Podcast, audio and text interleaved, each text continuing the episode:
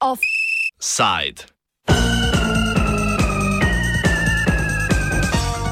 Kako izenačiti sosežigalnice in sežigalnice? Državni zbor je na predlog poslanskih skupin Svobode, Levice in socialnih demokratov z dnevnega reda aktualne seje umaknil obravnavo novele zakona o varstvu okolja. Gre za novelo zakona, ki sta jo v parlament z glasovi voljivcev uložili društvi Eko Anhovo in Dolina Soče ter inštitut 8. marec. No, ne gre za enako novelo, saj so jo na parlamentarnem odboru za okolje pred dvima tednoma do dobra zamandmirali. Predlagatelji novele so najprej želeli zakonsko izenačiti emisijske standarde za sežig in sosežig odpadkov, a so jih v zakonodajno-pravni službi opozorili, da gre za materijo, ki sodi v podzakonske akte in ne v zakon. Tako je na odboru podporo vseh petih parlamentarnih strank dobila verzija novele, ki vladi nalaga spremembo uredbe o sežigalnicah odpadkov in napravah za sosežig odpadkov.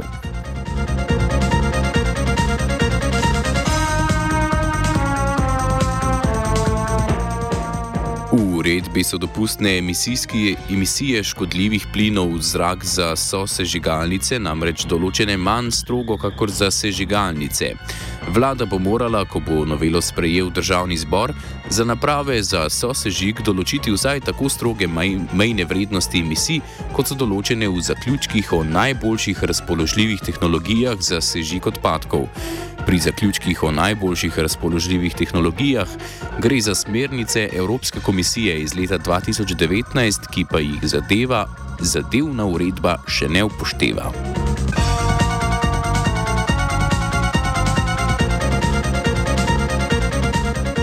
Temeljne vsebinske spremembe novele zakona izpostavi članica društva Iko Anhovo Mateja Sattler.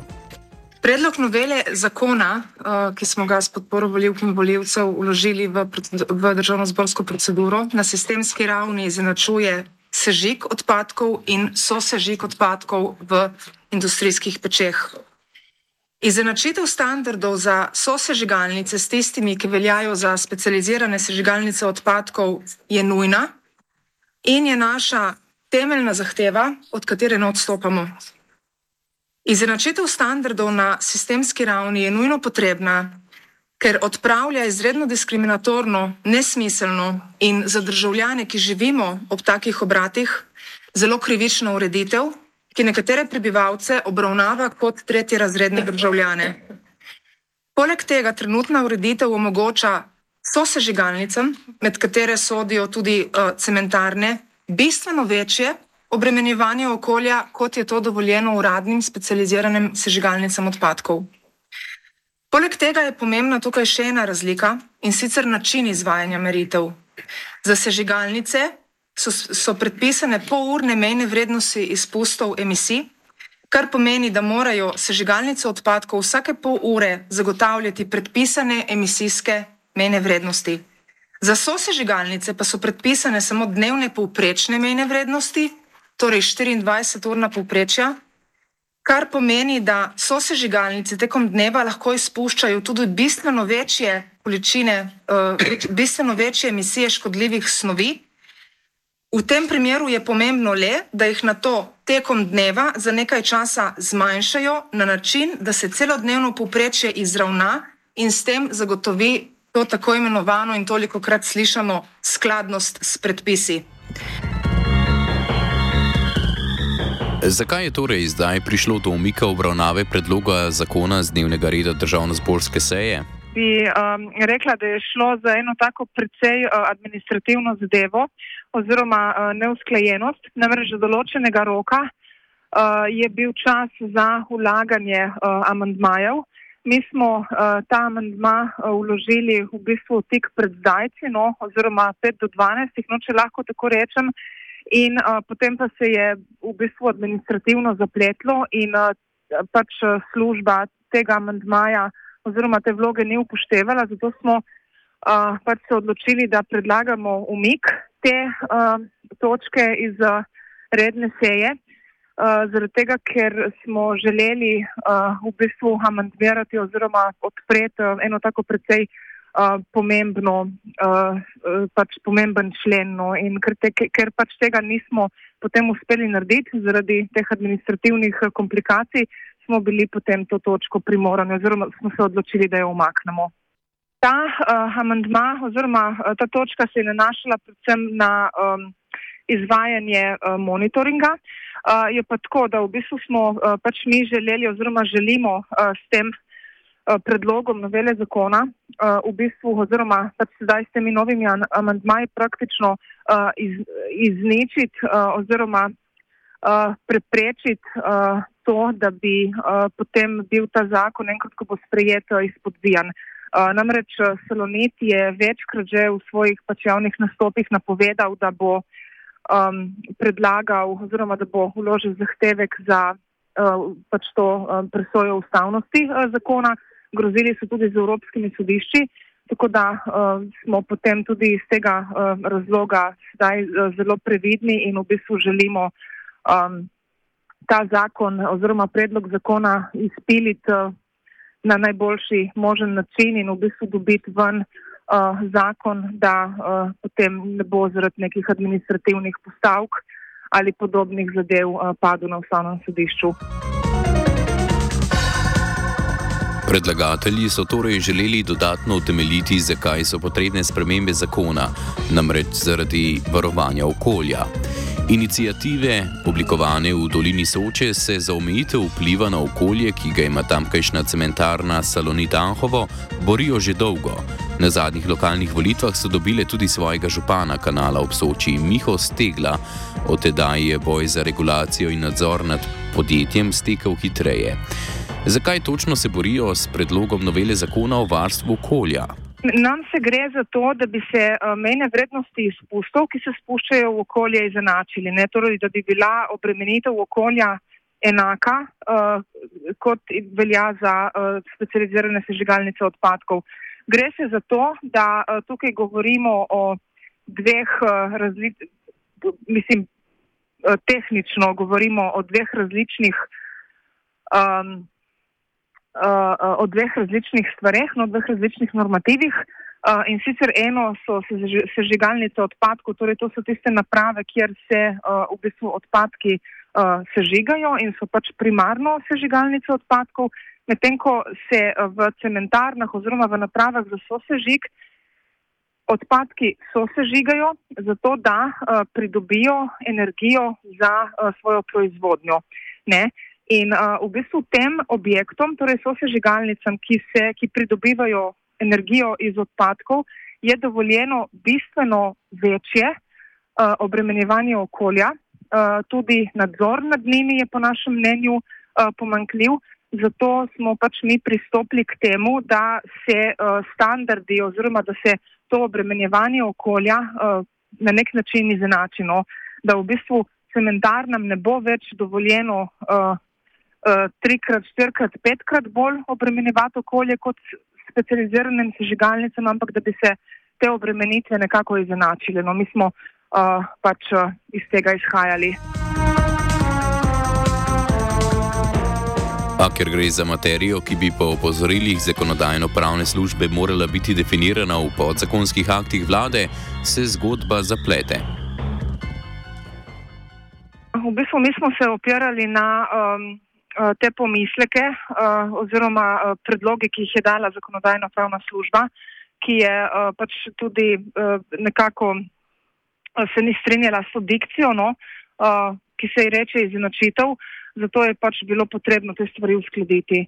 In, uh, po, in iz tega razloga smo potem pač na mesto uh, besede izenačitev uh, uporabili uh, pač to dikcijo, ki ste jo ravno kar povedali. No.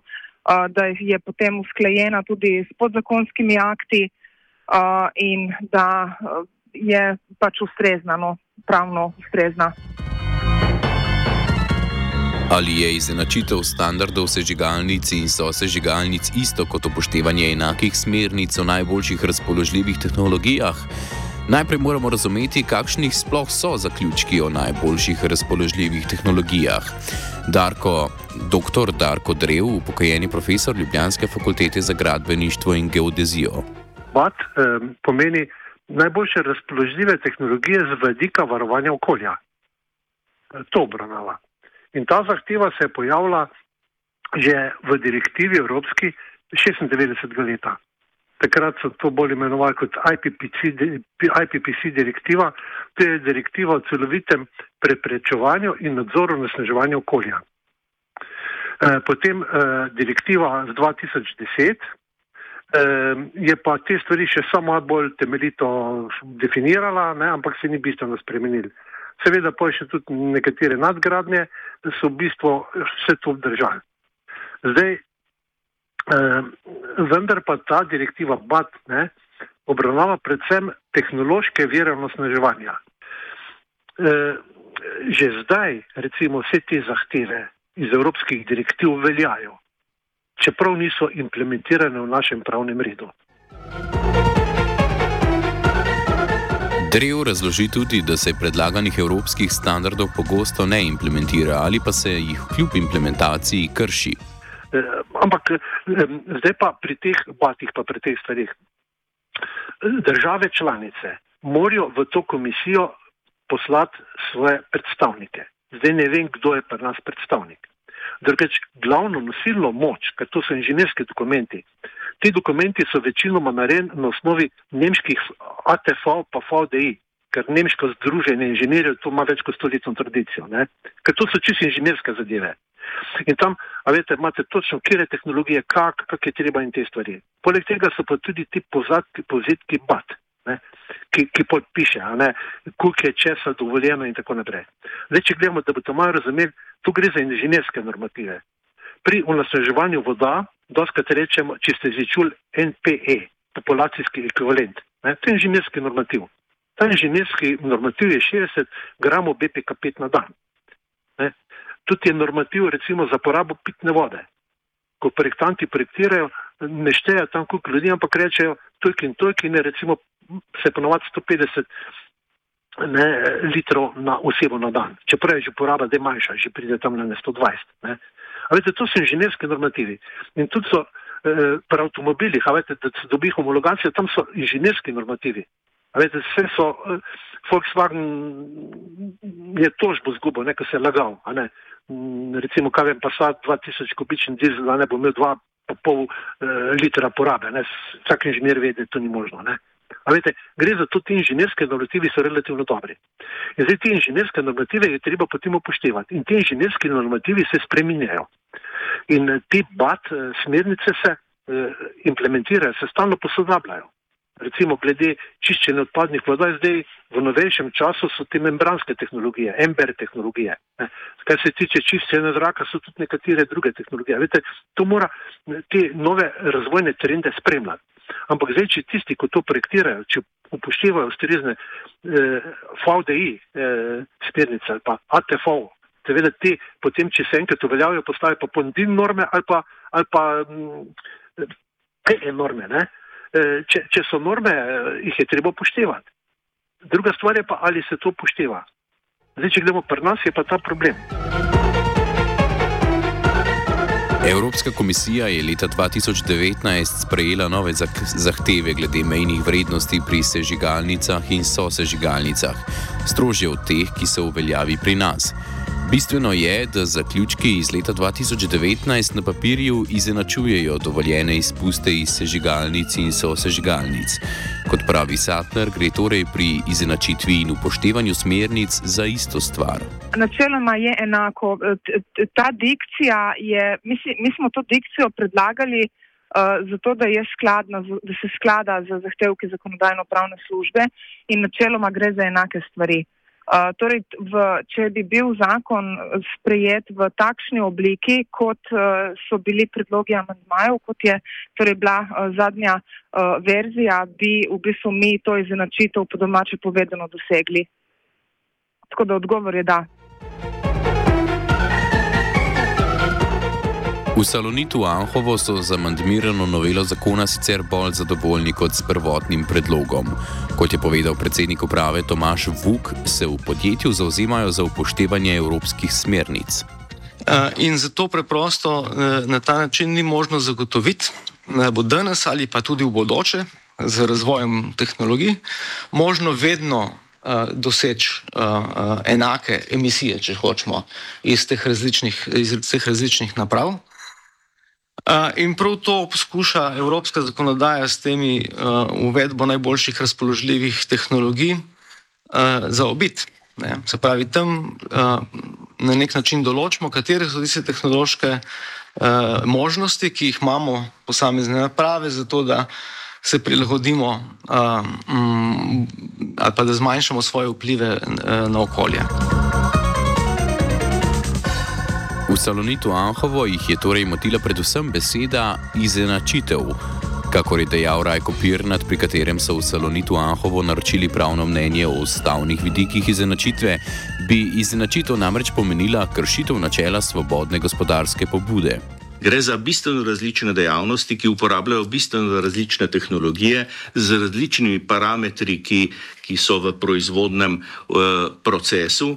In um, tako meni prav, jaz sicer nisem strokovnjak za to, uh, te različnosti seveda so v resnici nepremostljive, ni mogoče doseči izenačitev te različnosti. Zato seveda uh, trdim, da ta mehanična izenačitev po prokrustovem modelu pomeni pravzaprav kršitev ustavnega načela enakosti pred zakonom, ker um, izenačuje tisto, kar ni izenačljivo. Namreč ni kriterij uh, izenačitve to, da tam gorijo odpadki, ampak je kriterij izenačitve, kakšna je tehnologija. S kompromisno različico novele zakona o varstvu okolja se torej zdita zadovoljni obe strani.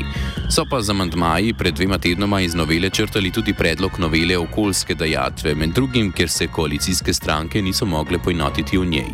Mi smo, torej od te okoljske dejatve smo mi uh, odstopili že takoj na začetku, zaradi tega, ker je, mi smo pač uh, v noveli zakona predlagali, da onesnaževalec pač plačuje v lokalnemu okolju in v proračun države neko dejatev za to, ker obremenjuje okolje in potem naj bi se iz te dejatve pač financirali določeni uh, pač ekološki uh, projekti oziroma trajnostni projekti.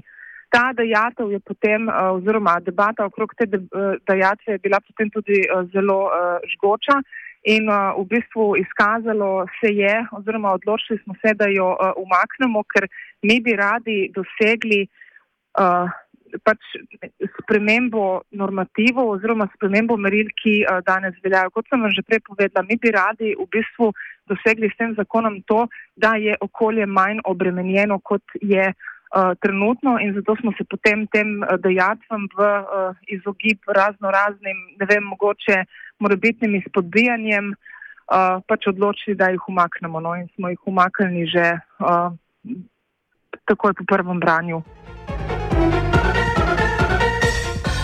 Pri izvajanju prenovljene uredbe, ki jo bo vlada sprejela, bo tako vključen predvsem monitoring emisij.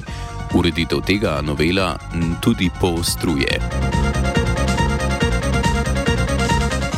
Offside je pripravila Neva.